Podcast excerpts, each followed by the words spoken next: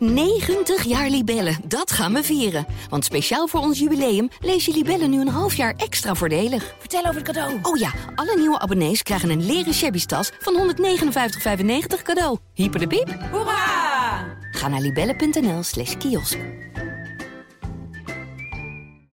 En dan hoor je in één keer... Hanno is zoek. Maar je kan niet nergens zijn. Niet levend of dood. Is die vrijwillig weggegaan? Is die gedwongen? Of, of, of wat ook maar. Zou die gewoon ontvoerd zijn? Mijn naam is Iris van den Boom. En samen met Ditya Kabba ga ik op zoek naar wat er is gebeurd met Hanno. Een doodgewone vader die van de een op de andere dag spoorloos verdween. Hè? Hanno? Hoe dan? Waarom dan? Open Eind, een podcast van het AD. Vanaf 27 mei te beluisteren via je favoriete podcast-app en ad.nl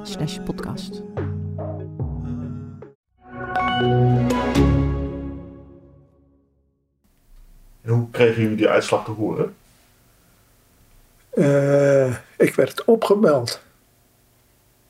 Ja, zei- ik werd, ik werd opgebeld. Ja. We hebben een, een match, maar we willen eigenlijk een, eh, een vrouwelijk familielid. Ja.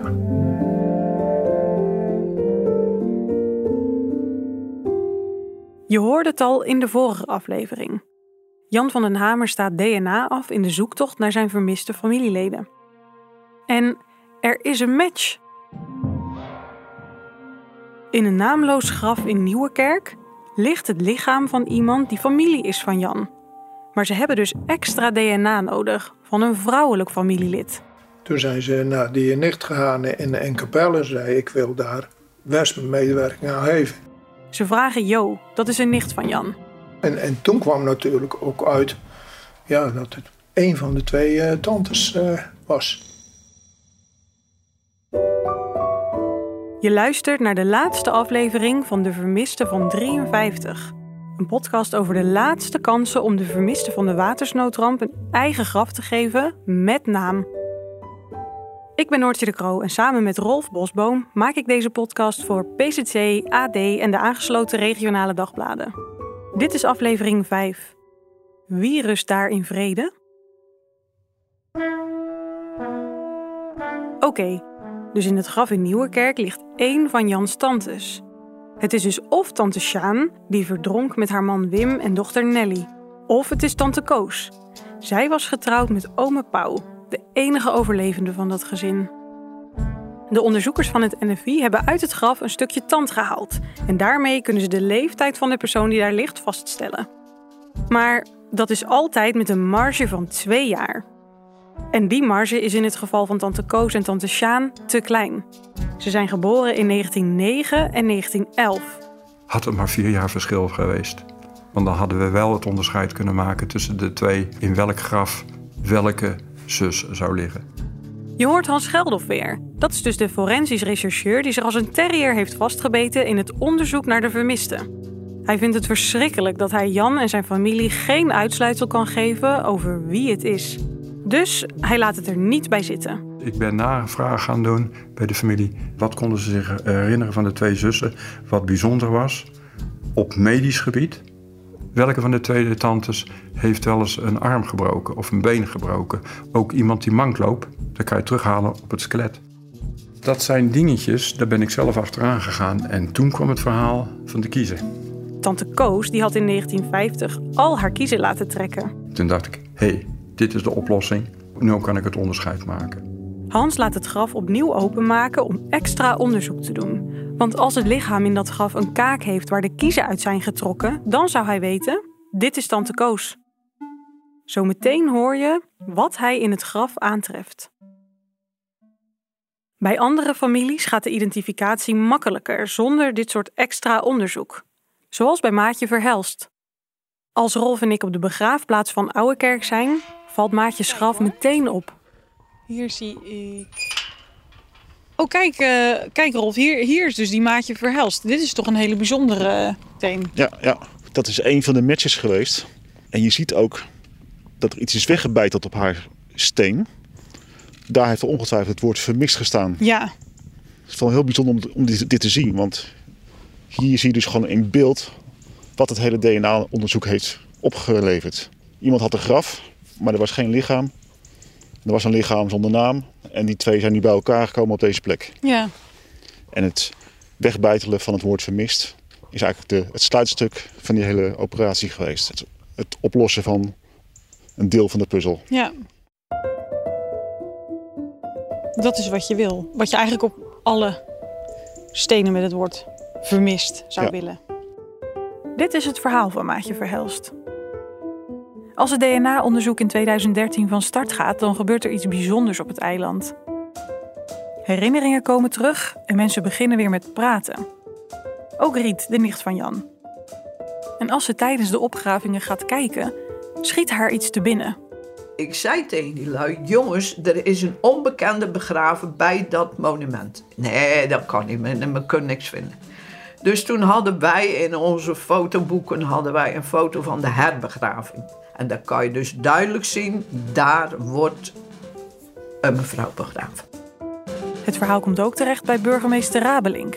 Ja, en we hebben toen nog gezocht naar waar mensen eventueel begraven zouden liggen. Zoals onder het monument in Oude Kerk. Daar zijn we toen nog mee bezig geweest. En toen zei iemand, eh, de ambtenaar, zei, daar, daar is volgens mij ook een graf onder.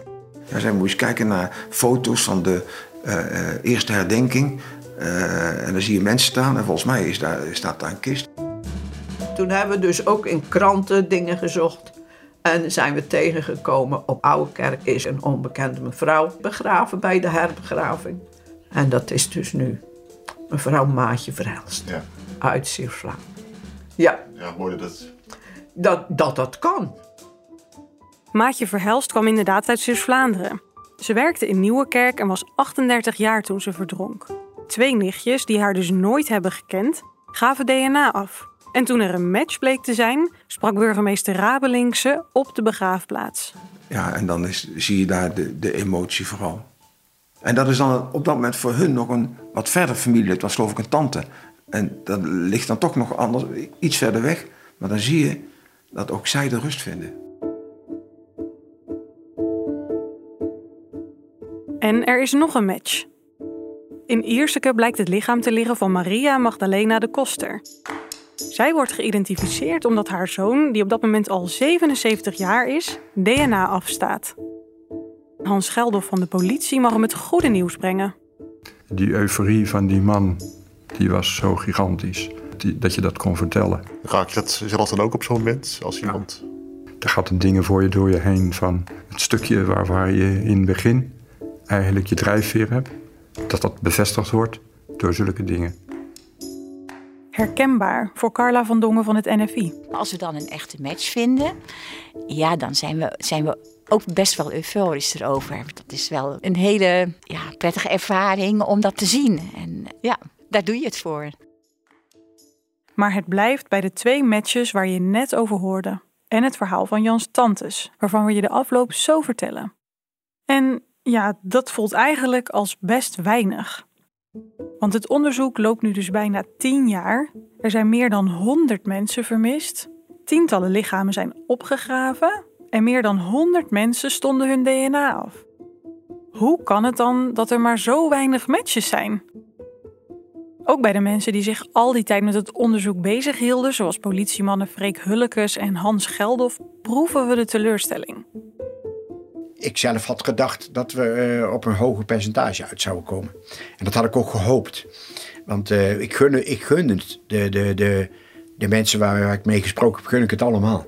Eh, mis- misschien had ik in mijn gedachten de, lat te hoog gelegd. Hè? Maar ik denk met elk geïdentificeerd slachtoffer, denk ik, moeten we blij zijn. Volgens Hans hadden de resultaten veel beter kunnen zijn als het onderzoek vanaf het begin veel grondiger was aangepakt. Maar daar was volgens hem geen geld voor. Als wij alles wilden, dat betekent ook als je een graf opent, dat het niet alleen DNA is, maar ook antropologie. Wat vind je in het graf? Welke mogelijkheden heb je nog extra als er kleding in, de, in het graf is? Wat ga je daarmee doen? En die afwegingen hebben we helaas tot een minimum moeten beperken. Dat wij enkel maar gingen over eh, de seksen, de lengte en het DNA. En dat we de rest eigenlijk allemaal weg moesten laten vallen. Wat eigenlijk een beetje in strijd was met mijn gevoel voor eh, kwalitatief willen werken. En dat, eh, dat vond ik vervelend. Maar ik ga niet over het budget, want dan ehm, hadden we anders beslist. Sinds de start van het onderzoek is de lijst met vermisten dus nauwelijks korter geworden. Maar is er dan helemaal geen hoop op nieuwe matches meer? Nou, toch wel, zegt DNA-deskundige Carla van Dongen. Dit onderzoek is natuurlijk gebeurd in 2013, 2014. Maar nu kunnen we alweer meer. En ik weet dat toen van niet alle onbekende doden een goed DNA-profiel verkregen is. Dus ik heb een mail gestuurd naar Hans Geldof. Van nou, misschien moeten we nog naar die paar zaken kijken waar we geen DNA-profiel, dat zijn er maar een paar. En misschien kunnen we alsnog daar wel een DNA-profiel uithalen. En hopelijk komt daar dan wel een match uit. Ja. Maar de, de hoop dat er nog steeds nieuwe matches gevonden wordt, die is er nog steeds. Zeker, zeker, ja. En die hoop heeft niet alleen met de DNA-technologie te maken. Carla vertelt ons dat het NFI nog niet van alle onbekende doden een DNA-profiel heeft. In Zuid-Holland en West-Brabant zijn nog meerdere ongeopende graven zonder naam. Daar zouden vermisten van de watersnoodramp kunnen liggen. Ik hoop van harte dat ook de burgemeesters op die begraafplaatsen dan mee gaan werken. Ja. Veel nabestaanden twijfelen nog of ze mee moeten doen of hebben allerlei tegenstrijdige gevoelens. Tegen de mensen die erover twijfelen, uh, wat, wat zou je daar tegen willen zeggen? Ik zou toch iedereen van harte oproepen om wel mee te doen. En al is het dan niet voor jou, eh, misschien voor andere mensen binnen je familie die toch graag willen weten waar de vermiste persoon gebleven is. En dat je ook iemand dan een echte begraafplaats kan geven. Ja, doe het. dat iedereen een plekje heeft waar die ook een naam heeft. Hans Gelder van de politie spreekt nog wel eens mensen die twijfelen dan zie ik dat afgelopen dinsdag in een presentatie over de watersnoodramp bij oudere mensen, dat het dingen losmaakt. En dat iemand zegt tegen mij: Kan dat dan nog steeds? En dat vind ik heel speciaal, want dan heeft hij begrepen wat ik zei. Want u hoort eigenlijk die persoon dan zeggen: van misschien doe ik het wel. Ja, ja hij zei: Ik zou niet weten of het iets los zou maken, maar ik wil daar wel over praten. Ik zeg: U weet mij te vinden. En als de eerste generatie van, van die tijd nog mensen aanwezig zijn, dan is het nog steeds mogelijk. En dat is, dat is mijn drijfveer om die mensen, als ze willen, die kans toch nog te pakken. Ja. En anders uh, loopt het af.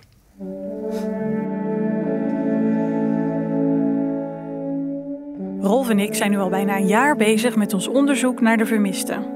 We hebben veel indrukwekkende dingen gezien en heel bijzondere gesprekken gevoerd. En we ontdekten dat het verhaal van de vermiste en de niet geïdentificeerde slachtoffers gevoelig ligt.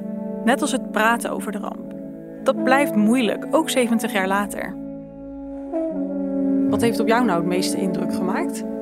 Het eerste wat mij te binnen schiet zijn gewoon de verhalen van de mensen zelf. En uh, we hebben een aantal mooie mensen gevonden die ons, voor ons de ramp heel dichtbij hebben gebracht, denk ik. Ehm, die er ook heel mooi over konden vertellen. Ja. En nog steeds, als we ze spreken, uh, zit die emotie gelijk in het gesprek. Ja, ehm, de mensen die wij hebben gesproken, uh, Riet en Jan, en eigenlijk alle mensen die we, die we spraken, die lieten ook steeds weten hoe belangrijk het is dat het verhaal niet vergeten wordt van de watersnoodramp. Ja, nou, dat was bijvoorbeeld ook de reden waarom Riet het uiteindelijk wel besloten heeft om mee te werken aan, ons project. Het was ook heel bijzonder dat zij haar verhaal vertelde, terwijl ze het eigenlijk nooit echt goed aan haar kinderen heeft verteld, laat staan aan de kleinkinderen. Toen zei ze ook van, als ik in oktober jarig ben, dan uh, ga ik het alsnog doen. Ja, ze noemde het een soort generale repetitie, uh, ja. uh, ons interview. Ja. We hebben haar inderdaad ook nog gesproken hè, toen, na oktober. Kijken. Goedemorgen Riet. Ik spreek met Noortje de Kroo van de PZC. Oh, goedemorgen. Goedemorgen. We praten even bij. Ja, ik ben nu bezig om uh, jam te koken. Oh. En dan vraag ik hoe haar verjaardag was, want die was dit jaar extra bijzonder. Als ik het goed heb, was u, bent u in oktober jarig geweest, hè? Ja. Dat was het moment waarop u, waarop u dus aan uw kinderen dat uh, hele verhaal ja. wilde vertellen. Oh ja. Ik heb ze dus meegenomen langs onze vluchtroute. Ik heb mijn fotoboek meegenomen, waar dan ook weer rampfoto's in staan. En zo zijn we dus over het dorp gelopen. Tot aan waar wij dus op die vissersboten gingen. En hoe, hoe was het voor u om het te vertellen aan uw kinderen en Ja, dan, kleinkinderen? ja, dan slaap je weer een paar nachten niet natuurlijk. Dan, dan komt dat hele spul weer terug voorbij. Maar Is, is er wel iets van u, van u afgevallen dat u dat zo, op zo'n manier hebt kunnen vertellen? Ja, dat, dat was wel, dat kan je nou raar vinden, maar dat was ergens wel een prettig gevoel. Want dan denk ik, ja, deze, deze rugzak hoef ik eh, niet zo vol mee mee te sjouwen. Er is wat uit. Dat heb ik aan de kinderen doorgegeven. Ik kan me nu misschien een heel klein beetje voorstellen wat zij hebben meegemaakt. En waarom het nog steeds belangrijk is dat we 70 jaar later de ramp herdenken. En dat het ook belangrijk is om nog steeds te zoeken naar de puzzelstukjes die links en rechts, rechts zijn blijven bestaan. Ja. Zoals de vermisten en eh, de, de, de graven zonder namen. Ja. En ook wel vooral dat we het hebben over vermiste personen. En dan hebben we het over getallen. En we hebben heel vaak ehm, navraag naar gedaan en onderzoek naar gedaan.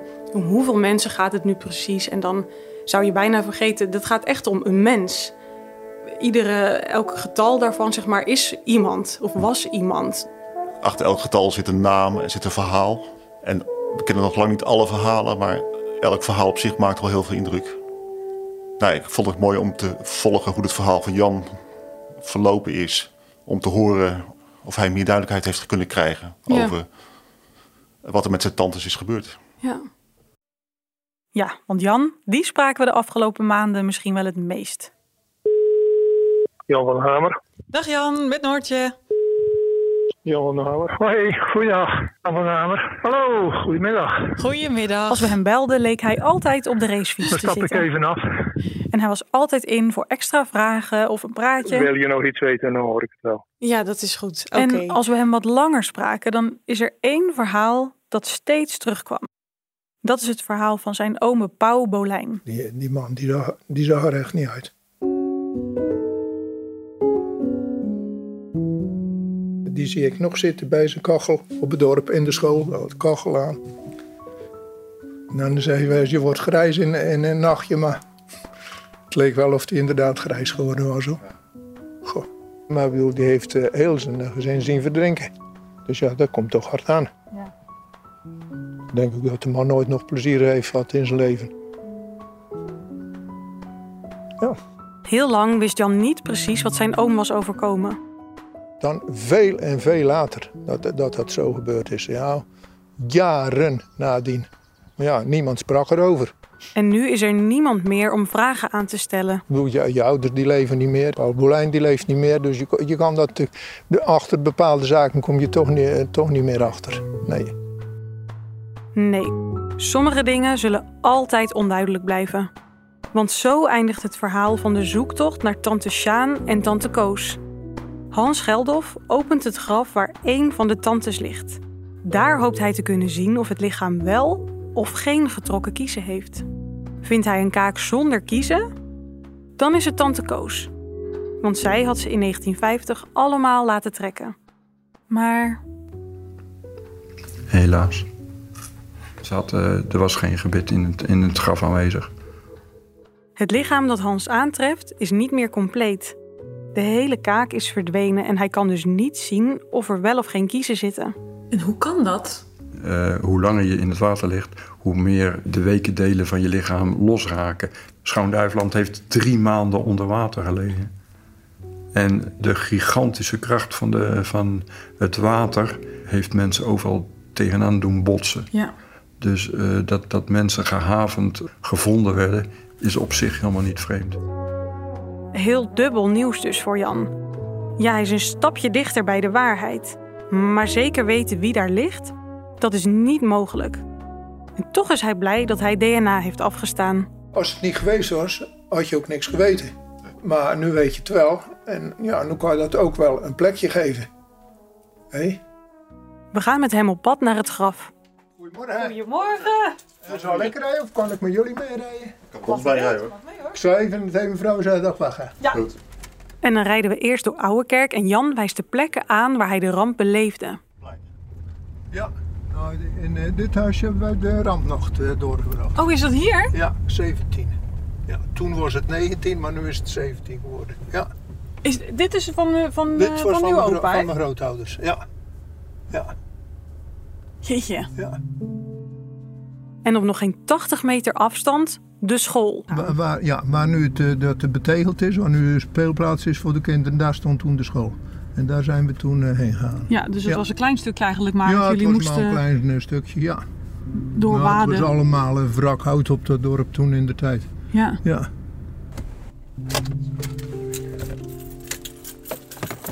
We komen aan op de begraafplaats van Nieuwekerk. En Jan laat ons het graf zien waar één van de twee tantes ligt. Koos of Sjaan. Ze daar eh, achteraan. Komt hij hier vaak? 1 februari. En dan, eh mevrouw die komt er eh, dan nog wel eens, dan zetten we altijd een, een bloemetje neer. En dan na verloop van tijd gaat hij, zij het weghalen als het uitgebloeid is of het een of het ander. Maar sinds we weten dat ze dus hier liggen, komen we 1 februari hier altijd. Ja. Wat, wat gaat er door u heen als u hier staat? Doet dat u nog steeds heel veel? Nou, toen, nu, gaat het wel, maar eh, dat we hier voor de eerste keer kwamen, dan, eh, ja, dan doet dat toch wel wat. Dan denk je, ja, toch een beetje emotioneel toch? Dan denk je, ja goed, het waren twee zussen eh, van, van mijn vader, die daar toch eigenlijk toch frequent contact mee had. Maar ja, dat, dat heb je op een dorpje natuurlijk. Ik heb ze alle twee gekend, dus dat, dat, eh, dat is dan zo. Hey, ook na zoveel jaar natuurlijk, hè? dat is, eh, ja, vergeten doe je het nooit. Ook tegenover mijn, eh, mijn ouders. Ik weet, ik weet pertinent zeker, mijn vader die zou alles in het werk gesteld hebben om, om erachter te komen waar zijn eh, zussen waren gebleven. Dus dan denk ik eigenlijk, nou, dan heb ik toch een beetje jouw zin gedaan. Ja, zo is het toch?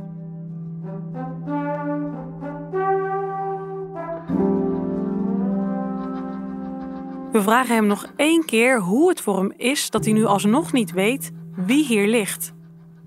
Ik, kan er geen naam op zetten, omdat ik niet weet wie, wie of het is. Dus dat is al een moeilijkheid. Dat het een van de twee is. Hé, dus nou, we laten het maar zo. Nee, ik denk dat er is wel rust en vrede. En ik denk eh, dat dat het beste is. Ja.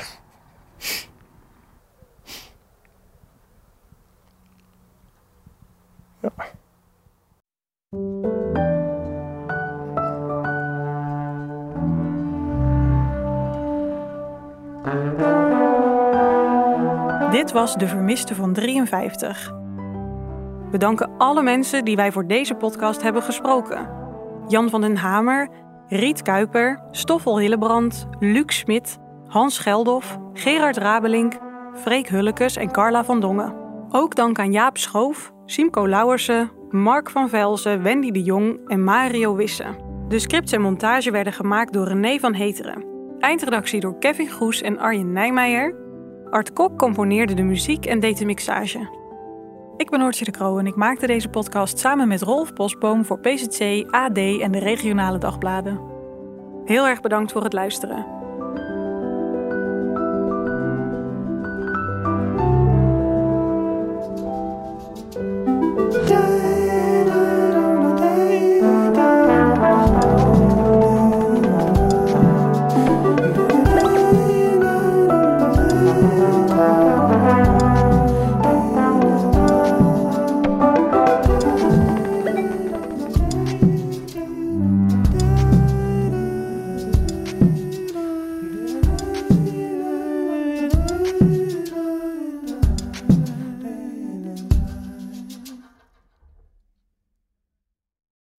Klein kind al weet je het heel zeker. Jij wil later boer worden. En dat lukt nog ook. Je leeft je eigen droom. Totdat een hele serie branden die droom vernietigt. Honderden runderen sterven, van jouw gedroomde bedrijf blijft helemaal niks over. En tot overmaat van ramp denken steeds meer mensen dat jij de branden hebt gesticht. Zelfs de politie gaat uit van jou als enige mogelijke brandstichter. Was je zelf echt betrokken bij het vuur? Of draait alles om iemand die dicht bij je staat? Dicht op het vuur is vanaf 24 maart te beluisteren via ad.nl en je favoriete podcast-app. 90 jaar Libellen, dat gaan we vieren. Want speciaal voor ons jubileum lees je Libellen nu een half jaar extra voordelig. Vertel over het cadeau. Oh ja, alle nieuwe abonnees krijgen een leren shabby tas van 159,95 cadeau. Hyper de piep. Hoera! Ga naar libellen.nl slash kiosk.